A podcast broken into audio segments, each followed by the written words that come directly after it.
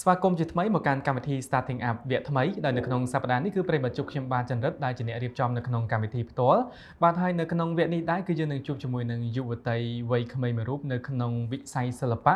បាទនិយាយទៅគឺនៅក្នុងអាជីពជាអាចនិយាយបានថានៅពីក្រោយរូបភាពផ្ទាំងទស្សនីយភាពសិល្បៈជាច្រើនដែលប្រិមិត្តបានទស្សនានិងបានស្គាល់កន្លងមកគឺមានវត្តមានរបស់យុវតីរូបនេះដែលគាត់ជាអាចនិយាយបានថាជាបង្គោលដ៏រឹងមាំអាចនិយាយបានថាជាអ្នកដែលគាត់មានគំនិត creative ថ្មីនៅអ្វីដែលប្លែកជាពិសេសគឺតាមការវិវត្តសម័យ digital សិល្បៈបែបថ្មីគឺគាត់មានបទពិសោធន៍ច្រើនមែនទែនជឿថាប្រិមិត្តជាច្រើនបាទជាពិសេសគឺ fan fan បាទយុវវ័យក្មេងៗស្គាល់ ច្បាស់ជាងគេគឺបាទពិធីបុណ្យភូមិអាចនិយាយបានថាបុណ្យភូមិនេះយើងធ្លាប់ឮនៅតាមភូមិតាមអីនៅរដូវច្រូតកាត់ចឹងទៅគេធ្វើបុណ្យភូមិចឹងទៅតែធ្លាប់តែឃើញគេធ្វើនៅតាមភូមិប៉ុន្តែវាមានជាជាខ្លាចជាព្រឹត្តិការណ៍ដ៏ធំប្រចាំឆ្នាំមួយបាទគឺធ្វើឲ្យគេស្គាល់បុណ្យភូមិបុណ្យភូមិច្រើនវាលើសពីការបុណ្យប៉ុន្តែវាបណ្ដុំទៅដោយសិល្បៈវប្បធម៌បាទទស្សនីយភាពចម្រុះបាទចូលរួមថែរក្សាអភិរក្សនៅសិល្បៈខ្មែរយើងផងដែរបាទនៅថ្ងៃនេះគឺប្រិមិត្តនឹងជួបជាមួយនឹងវត្តមានបាទរបស់លំអពេជ្របាទដែលគាត់ជាស្ថាបនិកភ្លើងគប់ហើយនៅពីក្រោយព្រឹត្តិការណ៍សិល្បៈជាច្រើនដោយតែខ្ញុំបានលើកឡើងខាងលើនេះអញ្ចឹងបាទនឹងទៅជួបមុនទៅជួបជាមួយនឹងលំអពេជ្រក៏សូមអរគុណទៅដល់ខ្មែរ Enterprise ដែលបានចូលរួមគ្រប់គ្រងនៅក្នុងកម្មវិធីរបស់យើងផងដែរឥឡូវនេះដើម្បីកុំឲ្យខាត់ពេលវេលាយូរសូមទៅជួបជាមួយនឹងវត្តមានបាទរបស់លំអពេជ្រទាំងអស់គ្នាបាទជម្រាបសួរបាទលំអពេជ្របាទ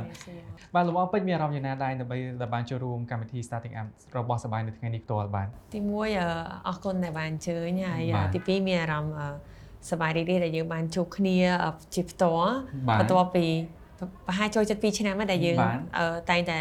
មានថាអ្វីទាំងអស់វាបដូរទៅជាអនឡាញវិញណាចាហ្នឹងហើយអញ្ចឹងអរគុណដែលបានអញ្ជើញមកបាទអឺលំអពេជ្រអាចរៀបរាប់ពីបទពិសោធន៍របស់ខ្លួនឯងបន្តិចមុននឹងយើងប្រឡូកចូលនៅក្នុងអាយបានថា យើងជាអ្នកនៅពីក្រោយវិស័យសិល្បៈវិញយើងថាយើងនៅក្នុងវិស័យហ្នឹងហើយប៉ុន្តែយើងនៅក្រោយឆាកបាទយើងអត់ឡើងលើឆាកទេអញ្ចឹងអាចរៀបរាប់ពីដំណើរដើមតងការសិក្សារបស់យើងយ៉ាងណាដែរបាទយើងអាចវិវត្តខ្លួនខ្លាយទៅជាបាទបុគ្គលដ៏ឆ្នើមម្នាក់នៅក្នុងវិស័យនេះបាទអឺតកតងជាមួយនឹងអឺ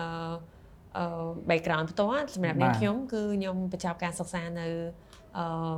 គេហៅ Department of Media អឺ Media of Communication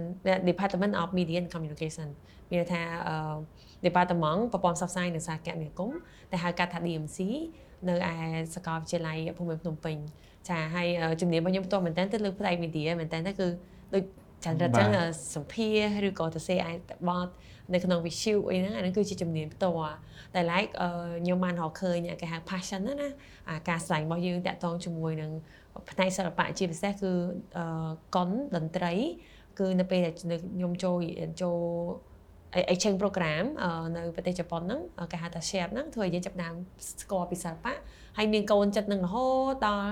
ឆ្នាំទី4ដែលខ្ញុំសម្រេចចិត្តធ្វើសារណាដែល ប្រធានបទរបស់ខ្ញុំនោះគឺផ្ដោតទៅលើលខោនស្បែកធំលខោនស្រមោលដៃស្បែកធំដែលខ្ញុំបានចំណាយពេលវេលាជាមួយលោកគ្រូកសលហើយសិក្សាពីតម្រងហ្នឹងរហូតដល់យើងធ្វើបំភូមិអញ្ចឹងដំណើររបស់យើងគឺថាវាវាវិវត្តណាតែវារបៀបថាយើងដើរតាមអីដែលយើងស្រឡាញ់បើថាឲ្យជាអឺកើតមកថាអូចង់ធ្វើការនៅក្នុងវិស័យសិល្បៈគឺអត់ដែរមានទេគាត់ថាចូលចិត្តហ្នឹងហើយតែអត់អត់ដែរមានគណិតហ្នឹងទេប៉ុន្តែរហូតតែខ្លួនចូលទៅក្នុងអឺ វិស័យនឹងផ្ទាល់មិនដឹងថាអូខេជាជាអីដែលយើងស្រឡាញ់ចា៎បាទយើងរកឃើញខ្លួនឯងថាយើងគឺជាអ្នកដែលមានដងហើយយើងចូលចិត្តខាងហ្នឹងយើងធ្វើបានល្អការងារនៅខាងហ្នឹងផ្ទាល់តែម្ដងបាទចា៎និយាយមែនតើគឺធ្វើការងារតាមមានន័យថាការងារធ្វើឲ្យយើងមានន័យថាដោយដោយដោយដោយយើងបានធ្វើ អំពើទៅលើវាបានយើងដឹងថាយើងស្រឡាញ់វាចឹងណាហ្នឹងហើយអូខេហើយលំអងពេជ្រនៅក្នុងក្រុមគ្រួសារយើងមានបងប្អូនប្រហែលអ្នកហើយយើងជាកូនទីប្រហែលហើយគ្រួសារតាំងពីដើមមកប៉ាម៉ាក់អីហ្នឹងគឺគាត់ជាអ្នកដែលក្នុងវិស័យសិល្បៈនឹងដែរទេឬក៏ជាអ្នកដែរបាទសម្រាប់ខ្ញុំមានបងប្អូនពីរនាក់ម្នាក់ប្អូនស្រីរបស់ខ្ញុំហ្នឹងកេសរដែលគាត់ជាជំនាញចាហ្នឹងហើយគាត់ជា singer songwriter ហ្នឹងហើយអឺ មែនតើទៅនៅក្នុងតកោរបស់ខ្ញុំបើយើងនិយាយពីតកោហ្មងអត់មានអ្នកមានអ្នកគេជាសិល្បៈមួយទេឡើយឡៃមានតែខ្ញុំហើយនឹងគេសបតហើយបើសិនជាប៉ាគាត់ជំនាញរបស់គាត់ក៏ខាងផ្នែកព័ត៌មានផ្សព្វផ្សាយដែរម៉ាក់ក៏ក៏ផ្នែក telecom ដែរហើយបើយាយគ្រូសាលោកតាគឺគ្រូបរិញ្ញាចាំមែនតើទៅគឺចេញពីតកោគ្រួសារអ្នកធ្វើការរដ្ឋហើយធ្វើការរាជការហើយជាគ្រូបង្រៀនអឺ អញ្ចឹងគ្រាន់តែថាអ្វីដែលយើងមើលឃើញថាវាមានចំណុចប្រសពគ្នាហ្នឹងគឺដោយសារមកយើងផ្ទាល់ហ្នឹងគឺគាត់ឆ្លាញ់សិល្បៈមែនតើហើយគាត់ចង់ខ្លាចជាសិល្បករគាត់មានទឹកចិត្តឲ្យសម្លាញ់ស្រឡាញ់ហើយនឹងជំនាញរបស់គាត់ទៅលើផ្នែកការរហងបាទតែដោយសារតែការសម័យដើមហ្នឹងនៅពេលដែលយើងចង់គេហៅខ្លាចជាសិល្បករហើយជាមនុស្សស្រីទៀតវាមានការគំនាបរាំងស្ទះពីគ្រួសារអញ្ចឹងណាអញ្ចឹងធ្វើឲ្យការដែលគាត់ចង់ ចង់បានខ្លាយខ្លួនទៅជាសិល្បករនឹងអត់បានទេទៅពីអ្នកបងប្អូនហ្នឹងគឺឃើញថាដងសិល្បៈមានពេញខ្លួនប៉ុន្តែដូចជាផ្សេងគ្នាចង់ថាមួយគាត់ច្រៀងគាត់សម្ដែងលើឆាកអញ្ចឹងទៅមួយទៀតនៅពីក្រោយការរៀបចំហ្នឹងអឺចង់ដឹងថាទាំងអស់ហ្នឹងយើងទទួលបានតាមរយៈការរៀនសូត្រហ្មងឬក៏តាមរយៈការស្រាវជ្រាវឬក៏វាជា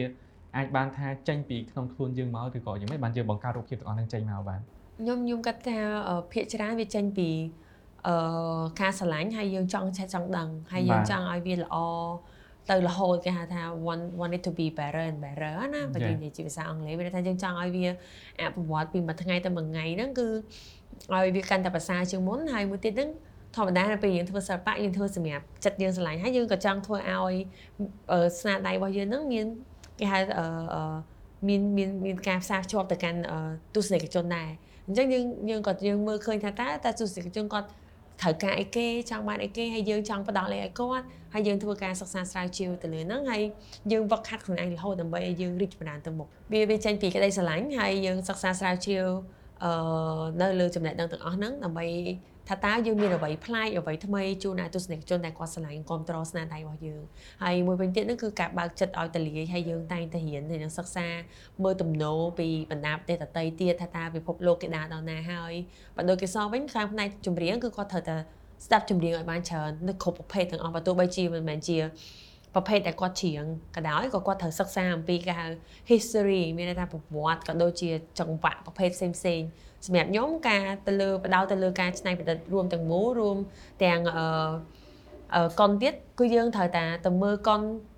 ជាស្នាដៃសិស្សច្បងរបស់យើងចាស់មានន័យថាជា classic film ក៏ដូចជាអឺអឺអា social media របស់យើងហ្នឹងគឺយើង follow យើងមើលថាតើ trend របស់គេទៅដល់ណាហើយដល់ហើយអញ្ចឹងមានមួយថ្ងៃទៅមួយថ្ងៃគឺយើងត្រូវតែ make sure ថាយើងបានដឹងថាតាមពិភពលោកដើរដល់ណាហើយអតីតកាលរបស់យើងខ្លួនឯងជាពិសេសយើងជាខ្មែរទៀតតើ ស្នាដៃសិល្បៈរបស់ខ្មែរយើងមានអីខ្លះដែលយើងអាចហ៊ានសូត្រពីដូនតារបស់យើងអាហ្នឹងគឺសំខាន់ព្រោះថាពេលខ្លះយើងភ្លេចខ្លួនយើងគិតថាមើលតាពិភពលោកពេកតែយើងភ្លេចថាតើយើងមានអីគេខ្លះដែលជារបស់ខ្មែរយើងដែលយើងអាចច្នៃវា ហើយបង្កើតវាទៅជាអ្វីមួយដែលវា symmetry អឺហើយមានការផ្សារភ្ជាប់ជាមួយនឹងប្រជាជនយើងនៅសម័យកាលថ្មីនេះឧទាហរណ៍ដូចបងភូមិយើងក៏ប៉ັດកំណត់របស់បងភូមិគឺជាកំណត់ដូនតាតែម្ដងមានន័យថា បងភូមិមានយូរហើយតែគ្រាន់តែថា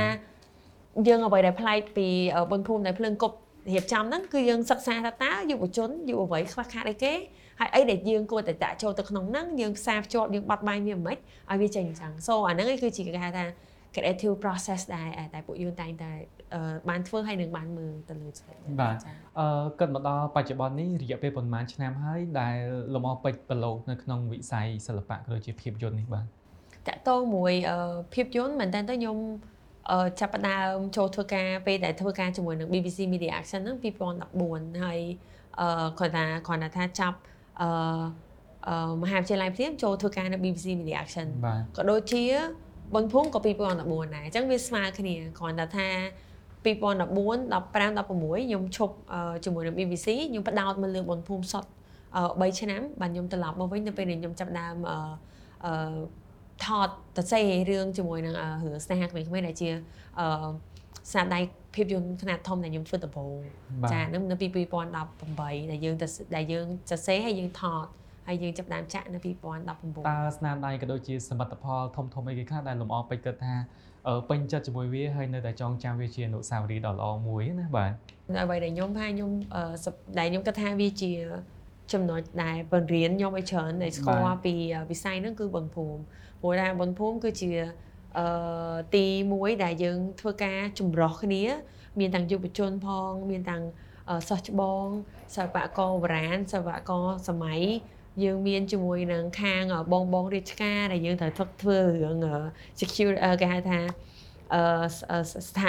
សម្ដាប់ធ្នាប់ហើយក៏ដូចជាធ្វើការជាមួយនឹងបណ្ដាដៃគូសហការផ្សេងផ្សេងក្រុមហ៊ុនផ្សេងផ្សេងនៅក្នុងនឹងផងដែរអញ្ចឹង វាវាដូចថាវាឲ្យយើងចេះទាំងអស់ហ្នឹងហើយអាហ្នឹងគឺជាការងារដែលបានធ្វើជាមួយបងពូហើយវាផ្ដល់ឱកាសឲ្យយើងបាន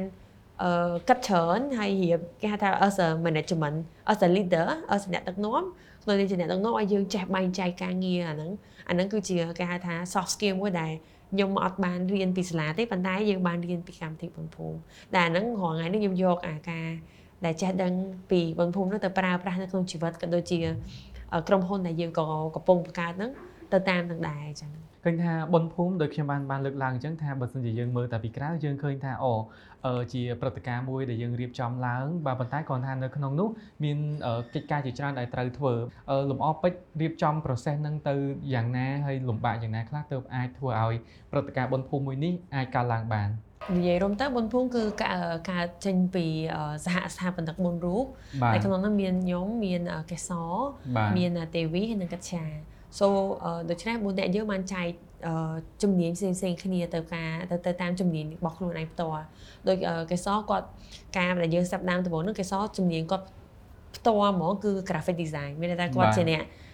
រចនានៅ graphic ទាំងអស់ដែលយើងឃើញផ្សព្វផ្សាយហ្នឹងគឺគឺសូម្បីតែ logo គំនូអីហ្នឹងគឺលើកេសរទាំងអស់តែឡើយខ្ញុំចាប់តែខ្ញុំជំនាញរបស់ខ្ញុំគឺទៅលើខាងខាផ្នែករៀបចំរៀបចំក្រុមការងារហើយទៅរកថាវិការមកធ្វើហើយនឹងផ្សព្វផ្សាយអឺកញ្ញាគាត់ប្រកែទៅលើការតែងលម្អនៅពេលដែលយើងរៀបហើយគាត់ត្រូវថែមអីដើម្បីឲ្យវាមានជីវិតជីវ៉ាមានជាតិសិល្បៈនៅក្នុងហ្នឹងហើយទេវីផ្ទាល់ហ្នឹងគឺគាត់ជំនាញទៅលើការផ្នែករៀបចំក្រុមយុវជនយើងផ្ទាល់ក៏ដូចជាមួយនឹងកន្លែងលក់ដូរហើយនឹង ផ្នែកគេហៅ MEP អាភ្លើងទឹកហើយនឹងការសាងសង់មួយចំនួនធំធំហ្នឹងគឺលើ TV អញ្ចឹងពួកយើងសិតតែមានគេហៅថាជំនាញរៀងខ្លួនតែចូលមួយគ្នាហើយបើនិយាយថាមិនបានដឹងថាត្រូវរៀបចំចេះចំចេះក៏ប៉ុតតាំងពីឆ្នាំទី1មកយើងអត់ចេះទេយើងឆ្នាំទី1យើងធ្វើលេងលេងហើយយើងមើលឃើញថាបើឆ្នាំទី2យើងធ្វើយើងកែគេចឹងឆ្នាំទី2យើងខ្វះយើងឃើញពីការខ្វះខ្វះឆ្នាំទី1ថាអូខ្វះ ឆាកអត់មានឆាកទេអត់មាន sound system ទេចឹងយើងត្រូវមានចឹងឆ្នាំទី2យើងចាប់ដើមបន្ថែមហ្នឹងឆ្នាំទី2យើងឃើញចាប់ដើមមនុស្សមកស្គាល់ទៀតអូខ្វះអីគេចេះហើយយើងក៏បានការណែនាំពីសិស្សច្បងមួយចំនួនដែលគាត់មានបទពិសោធន៍ក្នុងវិស័យសិល្បៈហ្នឹងគាត់ក៏ប្រាប់ថាអូបើយើងធ្វើកម្មវិធីគួរមានចេះចេះចេះយើងស្ដាប់ពីគេយើងមើលយើងអីចឹងទៅធ្វើឲ្យឆ្នាំទី3ហ្នឹងវាប្រសើរឡើងអញ្ចឹងយើងមើលឃើញថាអីគេខ្វះខាតអយើងឮមនុស្សថាកន្លែងនេះអត់សូវចេះចេះចេះចេះ អូកម្មវិធីអញ្ចេះខ្វះរសជាតិអញ្ចេះអញ្ចឹងឆ្នាំទី1យើងបន្ថែមទៀតអញ្ចឹងបើសួរមកពួកខ្ញុំវិញថាចេះអឺនឹកឃើញមិនបានរៀបចំអាហ្នឹងគឺកពិតយើងរៀនមួយឆ្នាំដោយមួយឆ្នាំហើយតាមរយៈការបើកចិត្តឲ្យទលាយហើយនឹងស្ដាប់ពីគេហៅថាមតិយោបល់អ្នកនៅជុំវិញខ្លួនក៏ដូចជាទស្សនិកជនដែលគាត់មកហើយពិសេសជាមួយនឹងលេលេបំភូមិដែលគាត់ជាយុវជនស្ម័គ្រចិត្តដែលធ្វើនៅកម្មវិធីបំភូមិមួយគ្នាហ្នឹងគឺគាត់ជាអ្នក ឲ្យយោបល់ដែរថាបងយើងឆ្នាំនេះយើងមាន department មានមានក្រុមយុវជនតែ3តែ5ក្រុមកាន់អត់គ្រាន់ទេត្រូវខ្វះខ្វះក្រុមគេហៅបយលុយកើលុយដែលជួយខាងផ្នែកសន្តិសុខអូខ្វះក្រុមខាងស្តង់ខ្វះក្រុមបឋានខ្វះក្រុមនេះយើងគួរមានក្រុមនេះអត់អញ្ចឹងសូម្បីតែការវិវត្តគេហៅថា department ផ្សេងៗនៅក្នុងក្រុមយុវជនស្ម័គ្រចិត្តហ្នឹងលេលេបងភូមិហ្នឹង ក៏ចេញពីពួកគាត់ដែរហើយយើងយកអាហ្នឹងមកយើងថាអូខេអញ្ចឹងបាទអាហ្នឹងខ្វះអញ្ចឹងយើងគួរមានអីមានអីមានអីអញ្ចឹងគឺវាជា process ដែលថាដូចយើងក៏ពិតមែនតើទៅដំណើរអូនភូមិទៅចូលសាលារៀនទេមានថាឆ្នាំទី1ទី2ទី3ទី4អញ្ចឹងណារហូតដល់ឆ្នាំទី2019ដែលដែលខ្ញុំហៅថាជាឆ្នាំមុនកូវីដហ្នឹងគឺ it's one of the biggest ដែលយើងធ្វើមកពីព្រោះយើងអភិវឌ្ឍខ្លួនតាំងពីមួយឆាករហូតមកដល់ 6 7រហូតដល់មកដល់8ឆាកបាទគឺធំមែនតើមានថា6ឆាកទូទួយដែលរ៉ាន់ចៃគ្នា data ហ្នឹងហើយមានឆាក account តែឯងហើយមានឆាក concert ទៀតអញ្ចឹងហើយនៅក្នុងទំហំដីប្រហែលចូលចិត្ត4ហិកតាបាទធំមែនតើតែពួកយើង like អឺធ្វើចេញអត់ទេតែធ្វើចេញអត់ទេហើយមនុស្សគាត់គាត់អញ្ជើញមកអញ្ចឹងទៅហើយនឹងពិតជាអរគុណបងពុកម៉ែបងប្អូនដែលគាត់បានគ្រប់គ្រងហើយបើលេលេវិញតាំងពី ធំតែគ្នា10នាក់បាទរហូតមកដល់300នាក់អញ្ចឹងវាថាវាកើនហ្នឹងគឺតាមការយល់ឃើញហើយតាមការរៀនហើយតាមការសិក្សាហើយកន្លងនោះដែរក៏ខ្ញុំក៏អរគុណដល់ដៃគូសហការដូចជា Cambodia Living Art ក៏ដូចជាបណ្ដាស្ថាប័នសិល្បៈផ្សេងៗនៅក្រៅប្រទេសដូច Festival Tokyo Salzburg global funds អីទាំងអស់ហ្នឹងដែលគាត់អញ្ជើញពួកខ្ញុំទៅទៅក្រៅដើម្បីឲ្យយើងសិក្សាតើតើ នៅនោះគេធ្វើ festival របៀបម៉េចមានអីខ្លះអីខ្លះអញ្ចឹងធ្វើឲ្យយើងរៀនមកកម្រិតទៀតថាអូនៅស្រុកគេពេលគេរៀបគេមាន department ចែកគេរៀប stock គេចែកគេរៀប team គេចែកអញ្ចឹងយើងរៀនរហូតអញ្ចឹងណាចា៎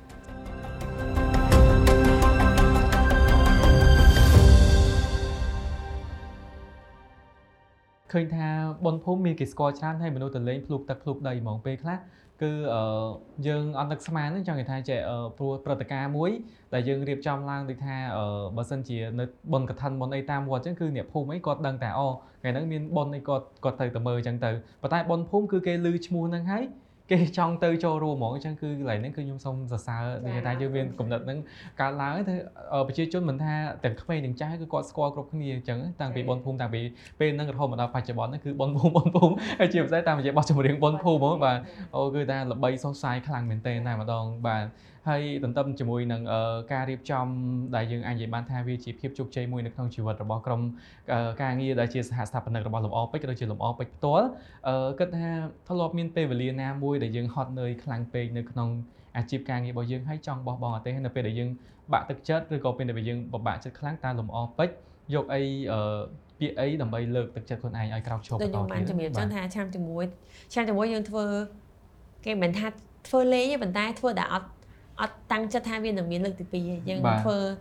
អឺដែលចិត្តយើងឆ្លាញ់ណាស់អូចង់ឲ្យមានគេអង្គុយមើល account ជុំគ្នាអញ្ចឹងទៅហើយខ្ញុំក៏បានថតអាហ្នឹងដាក់អឺសារណាអឺដែរជុំគ្នាដែរហើយក៏គិតថាចង់មើល account យើងចង់ធ្វើអីមួយជុំគ្នាអញ្ចឹងណាហ្នឹងហើយហ្នឹងគឺជាគោលឆ្នាំទី1ហើយយើងក៏សម្រាប់ខ្ញុំផ្ទាល់ក៏ខ្ញុំមានតែមានខ្ញុំខ្ញុំ inspire ពីការទៅមើល account នៅក្មេងៗមួយមកយាយដែលគាត់នាំយើងទៅមើលអញ្ចឹង ឲ្យយើងចាំមកចំណុចហ្នឹងអឺថាយើងចង់ឲ្យមាន moment អញ្ចឹងម្ដងទៀតណាអឺតែថាយើងអង្គុយក្រៅកាទេមើល account ហ្នឹងអញ្ចឹងឆ្នាំទី1អត់ព្រៀងទៅឆ្នាំទី2យើងធ្វើដោយសារមានគេសួរថាចេះធ្វើទៀតអត់ធ្វើទៀតអត់ធ្វើឆ្នាំទី3ចាប់ដើមធ្វើហើយគេស្គាល់ឆ្នាំទី3ជាឆ្នាំដែលមួយដែលផ្ទុះដោយសារបទចម្រៀងក៏ផ្ទុះកម្មវិធីមនុស្សមកអត់អត់ចេះស្ដែងមកមកដឹងមកពីណាហើយយើងផ្សាយតាមតអនឡាញទេអញ្ចឹង ចូលដល់ឆ្នាំទី4វាជាឆ្នាំមួយដែលរៀបរែកថាតើខ្ញុំព្រោះខ្ញុំមានការងារ full time ដែរតែធ្វើនៅ BBC Media Action ហ្នឹងវាធ្វើឲ្យយើង question ថាចុំហើយសហសកម្មទាំងអស់ដតីទៀតក៏គាត់មានការងារផ្សេងផ្សេងដែរតែត្រូវបំពេញអញ្ចឹងហើយវាតានតឹងមែនតើតែពេលហ្នឹងគឺត្រូវតែរើសមួយអត់មួយអញ្ចឹងពេលហ្នឹងក៏ខ្ញុំថាត្រូវតែយកបំភុំឯងព្រោះតែអត់ចឹងទេអឺយើងធ្វើអត់ការទេព្រោះការងារ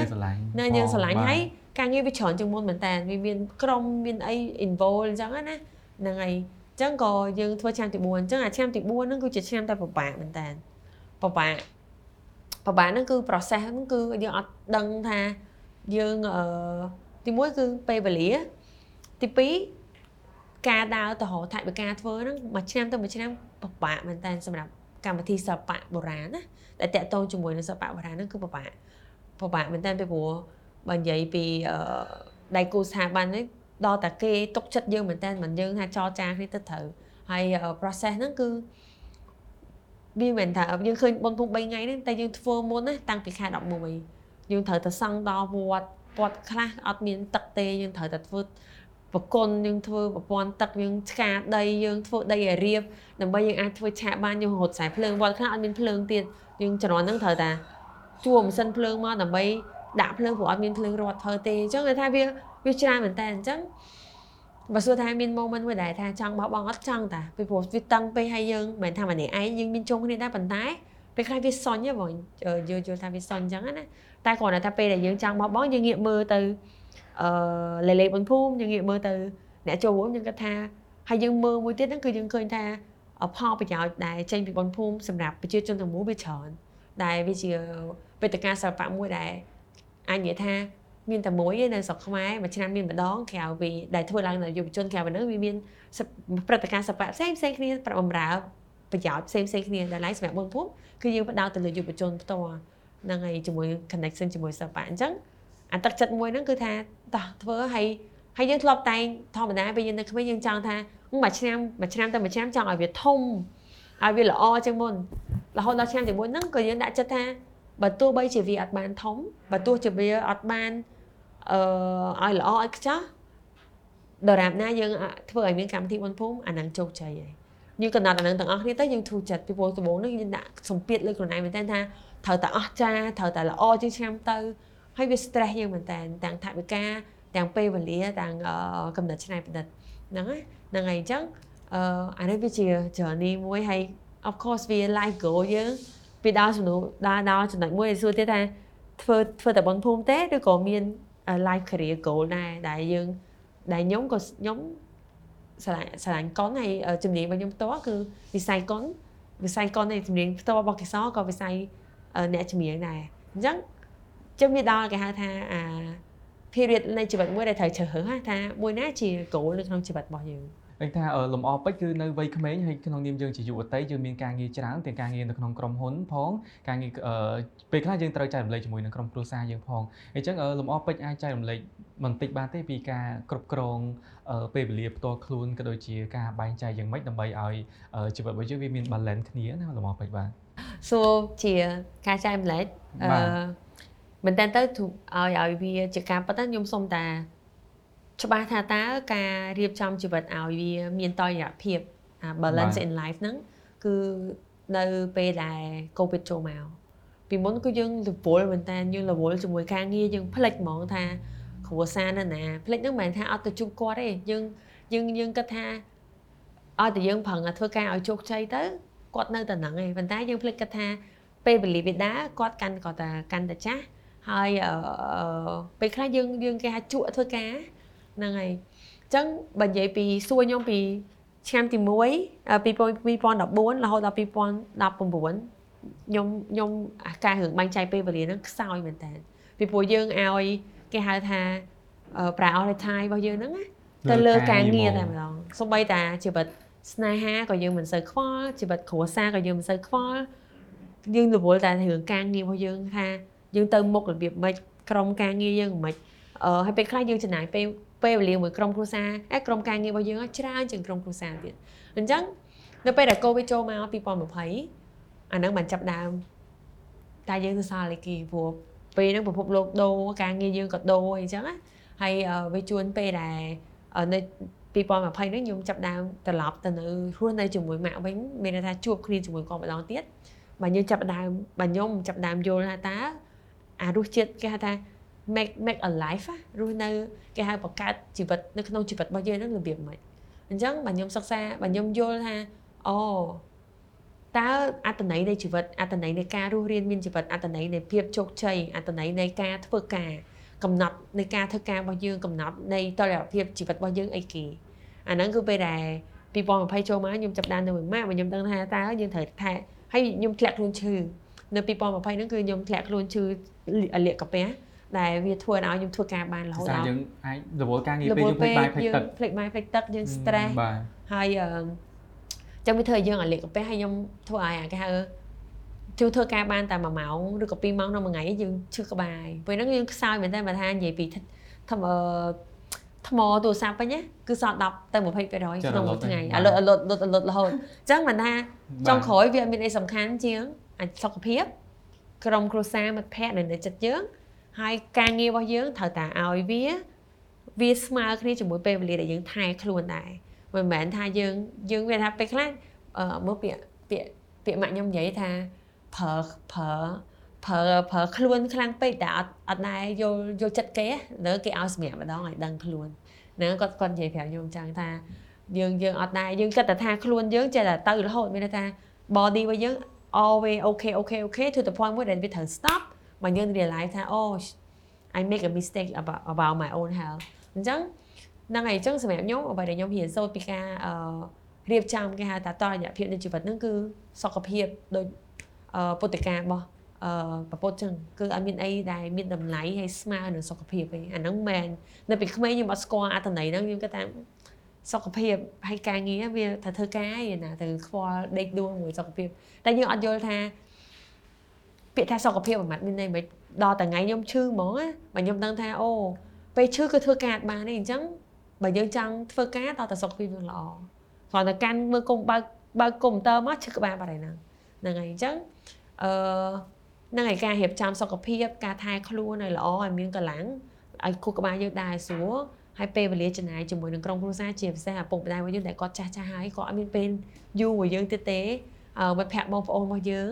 ហើយនឹងពេលវេលាធ្វើការត្រូវតែស្មើកុំឲ្យថាយើងជ្រុលពេកគេហៅថាលងខ្លួនជាមួយនឹងអាភាពគេហៅថាភាពជោគជ័យជោគជ័យជោគជ័យគាត់ថាជោគជ័យជោគជ័យបាត់បាត់ទាំងអស់ហើយចុងក្រោយអត់វាជោគជ័យទៅណាបើយើងឈឺហើយបើយើងបាត់បង់អ្នកនៅផ្ទះអស់គ្រួសាររបស់យើងយើងអត់ដឹងថាយើងនឹង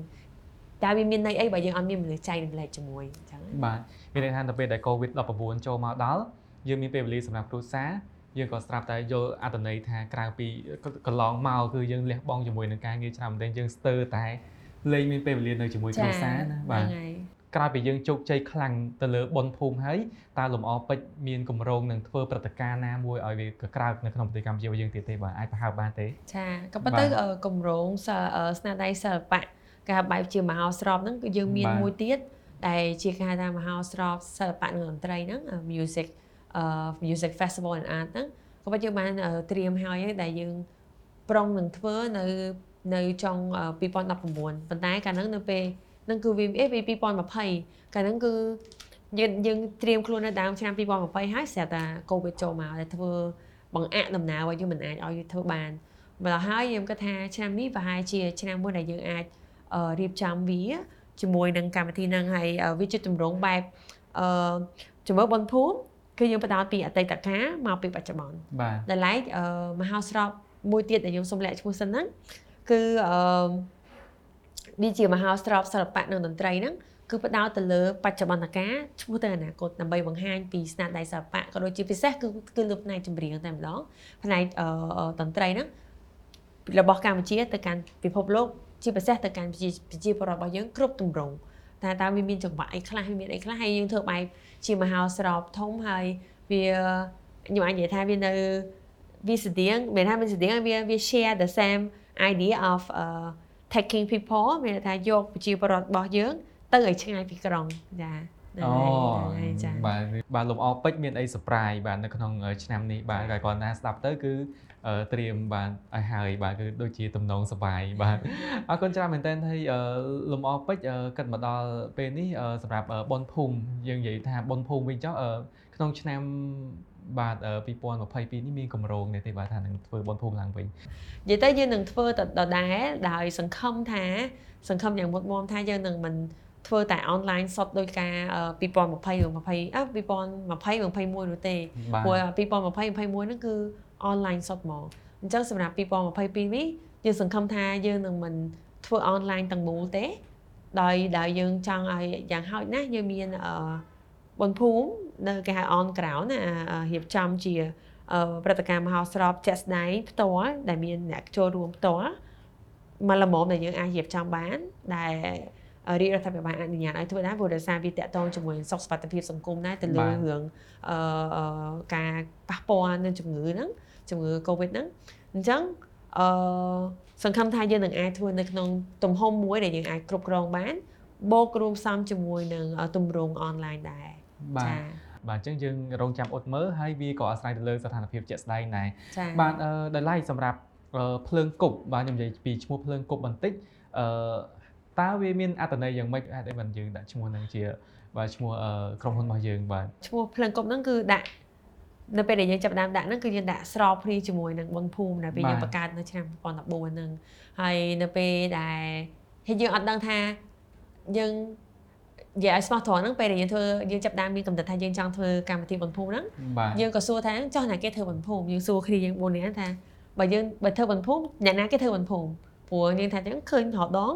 គេធ្វើកម្មវិធីអីមួយគេដាក់រៀបចំដោយអ្នកណាគេហ្នឹងហើយចឹងយើងសំនួរយើងក៏សួរក្នុងក្រុមថាចឹងយើងយើងពួកយើងរៀបចំដោយអ្នកគេហ៎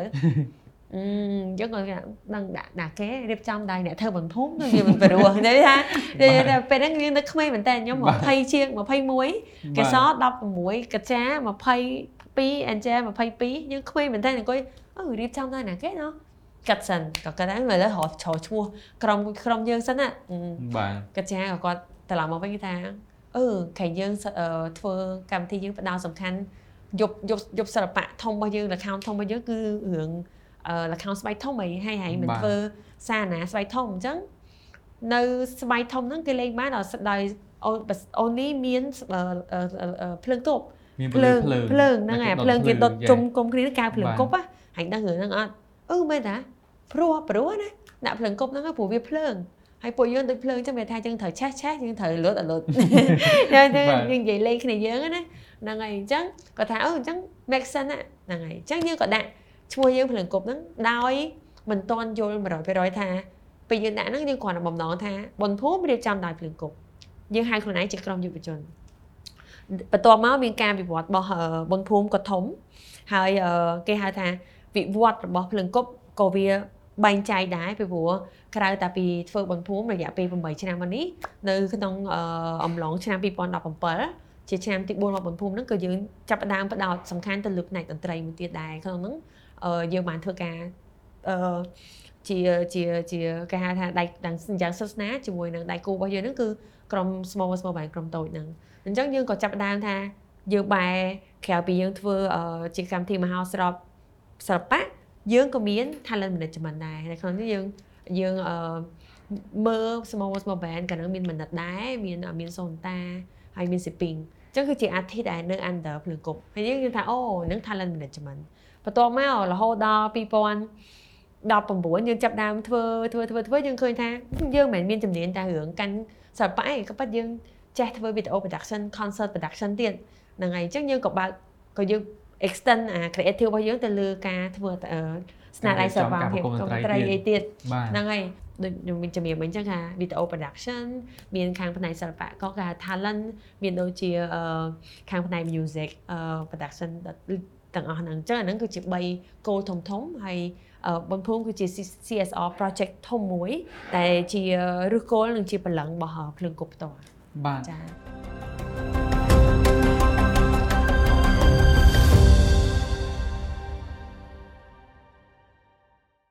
អាចនិយាយបានថាឥឡូវភ្លើងគប់ដូចជាក្រុមហ៊ុន agency មួយដែលដែលដែលមានឈ្មោះអឺបោះសលេងនៅក្នុងប្រទេសកម្ពុជាមួយអឺពីព្រោះថាខ្ញុំឃើញខ្ញុំធ្លាប់តាមដានជាច្រើនរាល់ព្រឹត្តិការណ៍ដែលភ្លើងគប់បានអឺបង្កើតឡើងក៏ដូចជាអ្នកដែលរៀបចំពីក្រោយការប្រគំតន្ត្រីហ្នឹង ដូចជាខ្ញុំឃើញការប្រគំតន្ត្រីរបស់ក្រុមហ៊ុនស្មានមួយចំនួនបាទឃើញថាក៏នៅពីក្រោយការអឺរៀបចំពីភ្លើងគប់ដែរហើយនៅក្នុងហ្នឹងឃើញថាមានអឺបង្កប់ទៅនៅនៅគំនិត creative ក៏ដូចជាការប្រគំតន្ត្រីហ្នឹងចេញមកក៏រូបភាពប្លែកខុសពីការប្រគំតន្ត្រីទូទៅនៅក្នុងប្រទេសកម្ពុជារបស់យើងដែរបាទហ្នឹងហើយហើយចុះឥឡូវនេះអឺឃើញថាភ្លើងគប់វិវត្តទៅដល់ណាហើយយើងមានក្រុមការងារប្រមាណនេះហើយបច្ចុប្បន្ននេះយើងនឹងមានចក្ខុវិស័យបែបណាទៀតនៅក្នុងវិស័យសិល្បៈក្នុងប្រទេសកម្ពុជារបស់យើងផ្ទាល់បាទហ្នឹងហើយតកតងជាមួយភ្លើងគប់ផ្ទាល់គឺយើងមានអឺទៅបដោតទៅលើសេវាកម្មទាំង3ហ្នឹង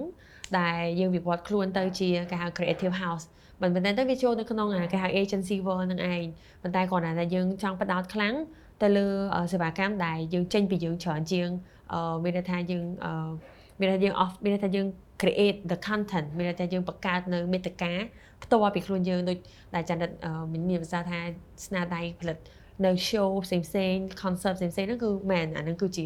អឺ direction អឺជាទិសដៅរបស់ភ្លើងគប់ដែលយើងត្រូវ deal នៅក្នុងឆ្នាំនេះហើយក្នុងឆ្នាំនេះផងដែរយើងនឹងមានអឺជាបន្តបន្ទាប់ជាមួយនឹងការបង្ហាញពីអឺអ្នកចម្រៀងថ្មីថ្មីៗនៅក្នុងភ្លើងគប់តអឺហើយក៏ដូចជាអឺ ផ្នែកខាងបើផ្នែកវីដេអូវិញយើងនឹងមានជាអឺ more music video and also uh, the kind of like short film នៅក្នុងឆ្នាំនេះផងដែរដែលយើងនឹងកំពុងផលិតសរសេរហើយនឹងផលិតហើយអឺតកតងជាមួយនឹងអឺបុនភូមិគឺយើងជា CSR project របស់យើងដដែលដែលរួមផ្សំជាមួយនឹងអឺយុវជនអឺគេហៅថាលេលេបុនភូមិហើយយើងធ្វើហ្នឹងចាអឺសម្រាប់អឺ លំអពេជ្រផ្ទាល់បាទអឺមានទស្សនវិស័យយ៉ាងណាដែរដើម្បីនាំនៅសិល្បៈតន្ត្រីខ្មែរជាពិសេសខាងផ្នែកចម្រៀងឬក៏ភាពយន្តនេះទៅលើឆាកអន្តរជាតិហើយតាមរយៈអីគេខ្លះដែរបាទគឺយើងតែងតែមានគេហៅក្តីសុបិនហើយក្តីសុបិនបាទមួយហ្នឹងក៏យើងកំពុងតែធ្វើដែរដែលអឺមានន័យថាផ្សព្វផ្សាយអឺស្នាដៃសិល្បៈដែលគេហៅថាច្នៃប្រឌិតដែលបង្ហាញពីសម្លេងនិងរូបភាពរបស់កម្ពុជា ផ្ទាល់ទៅឲ្យប្រជាជនរបស់យើងទាំងមូលមិនមិននៅតែមិនមែនមានន័យថាសម្រាប់តែប្រជាជននៅទីក្រុងហើយយើងចង់ឲ្យវាទៅដល់អ្នកនៅបណ្ដាបណ្ដាខេត្តផ្សេងផ្សេងៗក៏ដូចជាប្រជាជនខ្មែរនៅតាមបណ្ដាប្រទេសផ្សេងផ្សេងៗក៏ដូចជាប្រប្រទេសដទៃទៀតឲ្យមើលឃើញដែរតាមរយៈការចូលការម្នាក់ការផលិតជាបន្តបន្ទាប់ហើយនឹងអឺច្នៃប្រឌិតវាថាវិវត្តខ្លួនឲ្យវាអឺល្អជាងមុនហើយក្នុងនោះផងដែរអ្វីដែលជាចំណុចដែលពួកយើងតែងតែធ្វើនោះគឺការផ្សារភ្ជាប់លាយច្របល់បញ្ចូលគ្នា គេហៅថារៀបការរៀបការណារៀបការរវាងអឺទម្រង់បុរាណនិងសម័យចូលជាមួយគ្នាអានឹងគឺជាគេហៅថា signature ដែលភ្លើងគប់តែងតែធ្វើហើយយើងបានអនុវត្តវាជាមួយនឹងបុណ្យភូមិយើងបានអនុវត្តជាមួយនឹងបណ្ដាមហោស្រពប្រទេសទៀតដែលយើងបានចូលរួមដូចជានៅ Festival Tokyo នៅ Salzburg Art Forum នៅ Round Festival ជាមួយនឹងខាង KBS TV នៅប្រទេសកូរ៉េ so ស្នាដៃទាំងអស់នេះយើងបានបង្ហាញទៅហើយ គ្រាន់តែពីមុនខ្ញុំអាចនិយាយថាយើងនៅរៀងអត់ទាន់យល់ពីអឺចំហរបស់យើងយើងធ្វើតាមតែចិត្តស្រឡាញ់ដូចភ្លើងនឹងត្រូវឆេះឆេះអញ្ចឹងណាហ្នឹងហើយបន្ទាប់ពីអឺមួយរយៈពេលនេះដែលយើងបានសិក្សាអំពីគេហៅថាអឺ management plan របស់យើងក៏ដូចជាគេហៅថា company structure តែយើងចង់ទៅណាអីទៅណីគឺយើងកំពុងដើរទៅផ្លូវហ្នឹងសូម្បីតែពីមុនយើងអត់ដឹងថាយើងយើងយើងហៅខ្លួនឯងជាអីផងហ្នឹងយើង like ធ្វើអីដែលយើងស្រឡាញ់ចេះធ្វើធ្វើធ្វើធ្វើចឹងវាច្រើនវាអត់មានគេហៅថាជាតិទិសដៅមួយច្បាស់អញ្ចឹងនៅក្នុងឆ្នាំនេះគឺយើងនឹងសម្របថានៅក្នុងផ្នែកតន្ត្រីយើងមានអីគេខ្លះនៅក្នុងផ្នែកវិស័យផលិតនៅរូបភាពដែលគេថា commercial video ហ្នឹងមានអីខ្លះហើយនៅផ្នែកខាងរៀបចំនៅខាងគេថាសិល្បករផ្សេងផ្សេងក្រៅពីតន្ត្រីមានអីខ្លះហ្នឹងហើយដែលហ្នឹងគឺគឺយើង គេអាចនិយាយថាអាហ្នឹងគឺជា process នៅការ being entrepreneur មានន័យថាសហគ្រាសដែលយើងរៀបរៀបពីក្រុមតូចតូចមួយដែលមាន3 4នាក់រហូតដល់ឥឡូវដែលយើងមានអឺក្រុមការងាររហូតដល់8នាក់ full time ហើយនឹងមាន3 4នាក់ទៀតជា part time របស់យើងដូច្នេះគឺ process ហ្នឹងសម្រាប់សហគ្រាសតន្ត្រីទៀតខ្ញុំជឿថាគាត់នឹងដឹងថាគាត់នឹងមានអារម្មណ៍ដូចគ្នាថាតើខ្ញុំនិយាយពីអីពីព្រោះយើងអត់ដែរទទួលស្គាល់ខ្លួនឯងថាតើយើង យើងចង់ធ្វើអីគេហើយអា process នៃការបង្កើតជាក្រុមហ៊ុនមួយម៉ាត់នឹងអីគេសូសិតតែដំណើរដែលរៀនសូត្រទាំងអស់ចា៎បាទអឺយើងត្រឡប់ទៅក្រៅបន្តិចឃើញថាក្រុម small world small band អាចនិយាយបានថា work closely ជាមួយនឹងភ្លើងគប់ខ្លាំងមែនតើហើយបច្ចុប្បន្នឃើញថាក៏ក្រុមបានរំសាយទៅវិញប៉ុន្តែភ្លើងគប់នឹងមានបំណងនៅក្នុងការបង្កើតជាក្រុមតន្ត្រីបែបហ្នឹងទៀតទេព្រោះថាខ្ញុំនិយាយទៅដល់ខាងផ្នែកប្រទេសកូរ៉េខាងត្បូងគឺ K-pop វាវាវាលុកខ្លាំងទៅនៅលើពិភពលោករបស់យើងណាបច្ចុប្បន្នណាបាទតែ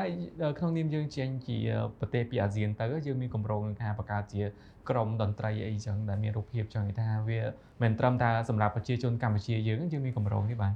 អ្វីដែល small small បែបក្រុមតូចបានធ្វើកន្លងមកហ្នឹងគឺជា signature មានថាជាជាអត្តសញ្ញាណបែបក្រុមតូចមួយដែលដែលដែលខ្ញុំជឿថាជាប្រវត្តិអឺ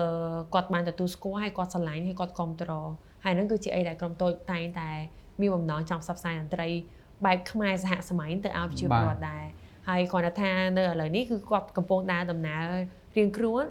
រៀងខ្លួនក្នុងការបង្កើតនៅស្នាដៃបន្តទៀតហើយនៅខ្ញុំចាំនេះខ្ញុំជឿថាទាំងអស់គ្នានឹងឃើញថាតើស្នាដៃរៀងរៀងខ្លួនរបស់គាត់នឹងជាអីគេអឺដែលព្រោះគាត់មានកម្រងបន្ត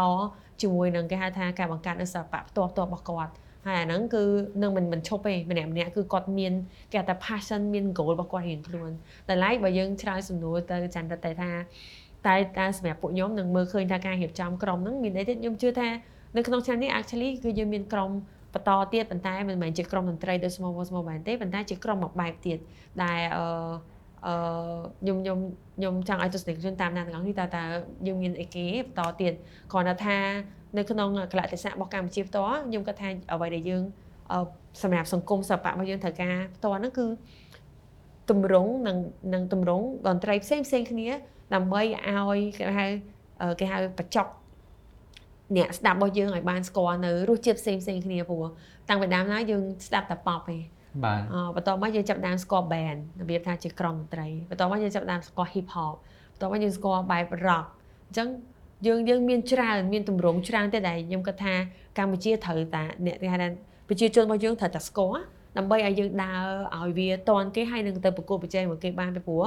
នៅលើពិភពលោកមិនមានតែ pop ប្រមុខទេវាមានប្រភេទតន្ត្រីច្រើនហើយវាមាន alternative music ដែលវាលាយច្របល់ច្របល់ចូលគ្នាចឹងទៀតអញ្ចឹងអាទាំងអស់ហ្នឹងគឺជា គោលបំណងរបស់យើងដែលយើងមានសិល្បករតន្ត្រីតន្ត្រីទៀតនៅក្នុងឆ្នាំនេះប្រហែលជា6រូបដែលនឹងត្រៀមខ្លួនក្នុងការ launch ចុះបទចម្រៀងទៅក្រៅហ្នឹងហើយអឺអឺសង្ឃឹមថាបងប្អូនគាត់នឹងពេញចិត្តហើយបើទោះបីជាប្រហែលជាអាចនឹងខ្លាចបន្តិចដែរប៉ុន្តែ សង្ឃឹមថាវាជាអីតែថ្មីជូនដល់ប្រជាពលរដ្ឋប ទាំង6រូបដែលជាសិល្បករត្រៀមបង្ហាញខ្លួនថ្មីហ្នឹងគាត់ជាអ្នកសិល្បករអាជីពឬក៏យើងបណ្ដុះបណ្ដាគាត់តែម្ដងអឺក្នុងនោះមានខ្លះជាសិល្បករអាជីពដែលគាត់មានអឺធ្លាប់មានបង្កើតស្នាដៃហើយតែយើងយកមកសម្រិតសម្រាំងឲ្យវាត្រូវជាមួយនឹង brand របស់គាត់ហើយក្នុងនោះក៏មានជាសិល្បករថ្មីស្រឡាងដែរដែលអឺដែលយើងបានបណ្ដុះបណ្ដាហើយនឹងធ្វើការជាមួយគាត់នៅក្នុងនោះចឹងមិនថាឆ្នាំនេះខ្ញុំគិតថាវាជាឆ្នាំមួយដែលនឹងរវល់មែនតើពីព្រោះយើង អត់បានធ្វើឡើងតែថាយើងអត់បានធ្វើពេញដៃពេញជើងដោយសារតែវាអៈដោយសាររឿងកូវីដនឹងផងហើយអឺវាធ្វើឲ្យយើងថាមនុស្សតែពេលញ៉ៃញ៉ៃយើង stress ទាំងអស់គ្នាហ្នឹងហើយអញ្ចឹងតែថាឥឡូវនេះយើងត្រឡប់មកវិញហើយសង្ឃឹមថា ពិភពលោកវាអត់មានអីទៀតទៅវាឲ្យយើងបានធ្វើការស្រួលចិត្តទាំងអស់បាទឥឡូវនេះគឺយើងត្រៀមបាទរងចាំអត់មើលទាំងអស់គ្នាថាតើភ្លើងគប់នឹងមានអ្វីដែលថ្មីបាទថាតើក្រុមតន្ត្រីថ្មីនោះនឹងចេញមកនៅក្នុងរូបភាពបែបណាបាទអញ្ចឹងយើងចាំអត់មើលទាំងអស់គ្នាបាទថាតើនឹងមានអ្វីដែលថ្មីនិងប្លែកបាទអរគុណហើយអឺកលេចមកកាន់ជីវិតផ្ទាល់ខ្លួនវិញដោយសារតែមុននឹងយើងបាននិយាយច្រើនពីភ្លើងគប់តើតើតជាមួយនឹងលំអពេជ្រដោយសារតែធម្មតាយើងអឺជា ជាជាក្មេងស្រីហើយយើងមានការងារច្រើនហើយខ្ញុំជឿជាក់ថាយើងប្រកាសជាមានគោលការណ៍ជីវិតរបស់យើងបែបណាហើយនាំឲ្យជីវិតរបស់យើងហ្នឹងវាអាចនិយាយបានថាវាល្អប្រសើរដែលយើងចេះយកនៅទេពកោសល្យយើងមានពីកំណើតយកមកប្រើវាហើយចំគោលដៅអីចឹងណាអញ្ចឹងខ្ញុំចង់ឲ្យជួយ share ចែករំលែកទៅកាន់ audience របស់យើងថាតើយើងធ្វើម៉េចដើម្បីរៀបចំអា flow ជីវិតរបស់យើងហ្នឹងឲ្យវាល្អទៅតាមអីដែលយើងមានអញ្ចឹងណាបាទ ហ៊ាននិយាយថាវាជាដំបូងមានទេតែគ្រាន់តែថាខ្ញុំចង់ចែករំលែកចែករំលែកថានៅក្នុងជីវិតរបស់យើងម្នាក់ម្នាក់បើសិនជាយើងអត់ដែរហ៊ានសួរថាយើងចង់បានអីក្តីសម័យរបស់យើងជាអីវាវាអាចធ្វើឲ្យជីវិតយើងពិបាកហើយបើសិនជាយើងហ៊ានតែសួរហើយយើងអត់ហ៊ានឆ្លើយឲ្យខ្លួនឯងក៏វាពិបាកដែរអញ្ចឹងនៅក្នុងដំណើរជីវិតម្នាក់ម្នាក់យើងត្រូវតែគេហៅថា purpose in life អាការសួរហើយនឹងឆ្លើយនោះគឺដើម្បីឲ្យកំណត់នៅ គោលដៅជីវិតរបស់យើងដើម្បីឲ្យយើងគ្រោះនៅទៅវាមានន័យពីព្រោះយើងមានទិសដៅយើងមានគោលដៅថាយើងទៅណារាល់ថ្ងៃហ្នឹងហើយអញ្ចឹងអឺវាអាចនឹងពិបាកហើយវាអាចនឹងឲ្យយើងឆ្លើយភ្លាមភ្លាមបានទេបើសម្រាប់ខ្ញុំជីវិតខ្ញុំខ្ញុំអាចនិយាយថាខ្ញុំខ្ញុំសួរហើយតម្រុំតែខ្ញុំឆ្លើយបាន6 7ឆ្នាំខ្ញុំឆ្លើយចេញថាអូក៏ប៉ុតខ្ញុំចង់បាននេះតាខ្ញុំចឹងពីអាពេលដែលខ្ញុំឆ្លើយឲ្យខ្ញុំយល់ហ្នឹងគឺបើយើងដើរទៅទៅវាស្រួលហើយវានឹងពិបាក បើសួរខ្ញុំបើសំណួរនឹងដដែលសួរខ្ញុំពី2014ខ្ញុំថាអត់ទេខ្ញុំធ្វើអីដែលខ្ញុំស្រឡាញ់ខ្ញុំធ្វើអីខ្ញុំស្រឡាញ់អីគេធ្វើខ្ញុំស្រឡាញ់ខ្ញុំចង់ធ្វើខ្ញុំធ្វើហើយខ្ញុំអត់មាន life goal ទេអញ្ចឹងណាប៉ុន្តែ the longer ដែលយើងបានប្រឡូកនៅក្នុងការងាររបស់យើងហើយយើងចាប់ដើមស្គាល់ពីអីដែលយើងចង់បានអឺយើងអឺខ្ញុំជឿថាហើយយើងយើងយើងបន្តសួរខ្លួនឯងហើយបន្តបន្តសិក្សាពីខ្លួនឯងហើយកុំបោះបង់អីដែលយើងស្រឡាញ់ បូករួមជាមួយនឹងកំបោះបង់នៅអីដែលយើងចង់ធ្វើហើយកំបោះបង់នៅការកំណត់គោលដៅជីវិតរបស់យើងនោះយើងនឹងរកឃើញដែលយើងចង់បានហើយនោះនឹងធ្វើឲ្យជីវិតរបស់យើងវាវាមានន័យពីព្រោះ at the end of the day ថ្ងៃចុងក្រោយនៃជីវិតវាអត់មានអីក្រៅពីគេសួរថាសល់អីគេសល់នឹងមិនមែនថាសល់លុយសល់លុយពេលខ្លះជីវិតសល់លុយក៏វាអត់មានអីដែរវាសល់កិត្តិយសក៏វាវាកិត្តិយសនឹងវាមួយតែមួយទៀតអីគេជា legacy របស់យើង legacy របស់យើងហ្នឹងមិនមែនមានន័យថា ត្រូវតែសង់អាគារឬក៏រូបសំណាក់មួយដែលដាក់ឈ្មោះយើងអាហ្នឹងមិនគេហៅថាជោគជ័យទេជាបែបអូខ្ញុំ make it no សល់អីគេសល់សុភមង្គលក្តីសុខហើយនឹងសល់អីសម្រាប់ជាតិរបស់យើងនេះដែលយើងបានខ្លាយទៅជាបរិវត្តល្អមួយហើយបានជាផ្នែកអីមួយដែលជួយហើយខ្ញុំជឿថាអ្នកទាំងអស់គ្នានឹងពិបាកក្នុងការសួរតែអ្នកខ្លះគេកើតមកគេគេដឹងថាគេចង់បានអីអាហ្នឹងគឺសំណាងតែបើយើងអត់មានដូចខ្ញុំខ្ញុំខ្ញុំមិនដែលមានចម្លើយ until ខ្ញុំធ្វើការចូលទៅ6 5 6ឆ្នាំខ្ញុំដឹងថាអូខ្ញុំចង់បានអីខ្ញុំត្រូវបែងចែកបើខ្ញុំចង់បានអញ្ចឹងខ្ញុំត្រូវចាប់ដើមចេះបែងចែកពេលវេលារបស់ខ្ញុំចេះបែងចែកការ focus របស់ខ្ញុំទៅអីទៅអីទៅអីអញ្ចឹង so អានេះគឺជាវត្តនៃជីវិតមួយដែលអត់មានអត់មានអីស្រួលវាវាត្រូវតែអញ្ចឹងអរគុណហើយសម្រាប់ពាក្យថាជោគជ័យលំអពេជ្រមានន័យបែបណាដែរបាទពីមុនអឺពាក្យថាជោគជ័យមានន័យថាយើងអាចធ្វើអីដែលយើងចង់ធ្វើហើយយើងធ្វើបានសម្រេច តែសម្រាប់ថ្ងៃនេះអាយុនេះពេលនេះអឺពាក្យថាជោគជ័យគឺធ្វើអីដែរធ្វើឲ្យយើងមានសុភមង្គលហើយអឺដែលវាអត់បំពេញជាមួយសុខភាពរបស់យើងហើយវាអត់បំពេញជាមួយនឹងពេលវេលាដែលយើងចែកជាមួយគ្រួសារមិត្តភ័ក្តិបងប្អូនរបស់យើងហ្នឹងហើយវាផ្ដល់អីទៅកាន់សង្គមវិញអាហ្នឹងឯងជារឿងជោគជ័យទោះបីជារឿងនោះទូចមួយមែនតើអាហ្នឹងឯងជោគជ័យហើយពាក្យថាជោគជ័យរបស់យើងយើងអ្នកកំណត់ទេអញ្ចឹង បើយើងហាយកលុយមកវាស់ដើម្បីថាអានឹងជោគជ័យអានឹងគឺជារឿងរបស់របស់បុគ្គលម្នាក់ហ្នឹងតែបើសម្រាប់ខ្ញុំខ្ញុំវាស់ថាអីអីដែលខ្ញុំអាច give back ត្រឡប់មកវិញឲ្យសង្គមហើយអាហ្នឹង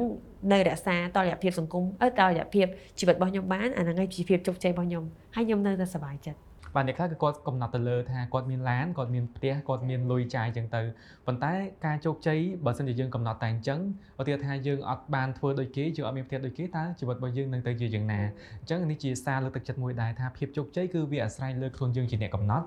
បើសិនជាយើងពេញចិត្តជាមួយនឹងជីវិតមួយហ្នឹងយើងគិតថាយើងគ្រប់គ្រាន់យើងពេញចិត្តហើយយើងរស់នៅវាដោយមានសេចក្តីសុខអាហ្នឹងជាភាពជោគជ័យរបស់យើងប៉ុន្តែបើសិនជាបើយើងអ្នកបើយើងអ្នកខ្លួនឯងយើងកំណត់ថាយើងត្រូវតែមាន សម្ភារៈទាំងទាំង lain ហ្នឹងក៏វាអត់ខុសដែរឲ្យតែថាយើងធ្វើបានយើងឲ្យយើងធ្វើបានហើយកុំបំពេញជីវិតអ្នកដទៃកុំឲ្យវាក្បត់ខ្លួនឯងពេកអាហ្នឹងវាវាជារឿងមួយទៀតជាសិលធម៌ជីវិតរបស់យើងបាទទីសំណួរចុងក្រោយចង់ដឹងថាតើអ្វីដែលជាក្តីសម័យធំបំផុតរបស់លោកបំពេជ្រហើយយើងធ្វើវាបានហើយឬនៅបាទក្តីសុបិនធំបំផុតរបស់ជីវិតខ្ញុំខ្ញុំខ្ញុំគិតថាខ្ញុំកំពុងតែធ្វើពេលដែលសួរពីក្តីសម័យក្នុងជីវិត របស់យើងនេះគឺខ្ញុំផ្ដោតលើខ្លួនឯងសុទ្ធមានន័យថាជាជាគេហៅថា career goal ខ្ញុំចង់ឲ្យធ្វើដល់ដល់ចំណុចនេះបានអវត្តអានេះអាហ្នឹងឯងគេហៅជារឿងធំតែថ្ងៃនេះគឺអឺក្តីសម័យរបស់ខ្ញុំគឺខ្ញុំចង់រស់នៅជាមួយម៉ាក់ហើយនឹងប្អូនខ្ញុំឲ្យបានស្រួលហើយយើងរស់នៅជុំគ្នាហើយដែលអាចផ្ដល់ពេលវេលាខ្ញុំធ្វើការ life goal របស់ខ្ញុំមួយទៀត so អានេះអានេះគឺជាអ្វីដែលយើងកំពុង working on it ចា៎ បាទអរគុណច្រើនមែនតើបាទដោយសារតែពេលវេលានៅក្នុងកម្មវិធី starting up របស់យើងក៏គេបន្តទីបញ្ចប់ដែរនៅថ្ងៃនេះបានបទពិសោធន៍ជាច្រើន បាទពីលំអពេជ្របាទទាំងបទពិសោធន៍ជីវិតផ្ទាល់ខ្លួនផងទាំងបទពិសោធន៍ការងារជាពិសេសគឺជុំវិញការកើតឡើងព្រឹត្តិការណ៍បុណ្យភូមិបាទជុំវិញការបង្កើតឡើងនៅភ្លើងគប់ដែលជាពេលនេះខ្ល้ายជាឈ្មោះ ក្រុមយុវជនមួយដ៏ល្បីនៅក្នុងប្រទេសកម្ពុជាហើយក៏យើងបានទទួលបទពិសោធន៍ជីវិតជាច្រើនពីលំអពេជ្រដែលជាក្មេងស្រីមួយរូបគាត់សកម្មនៅក្នុងការងារហើយគាត់អាចនិយាយបានថារឹងមាំមែនទែនបាទ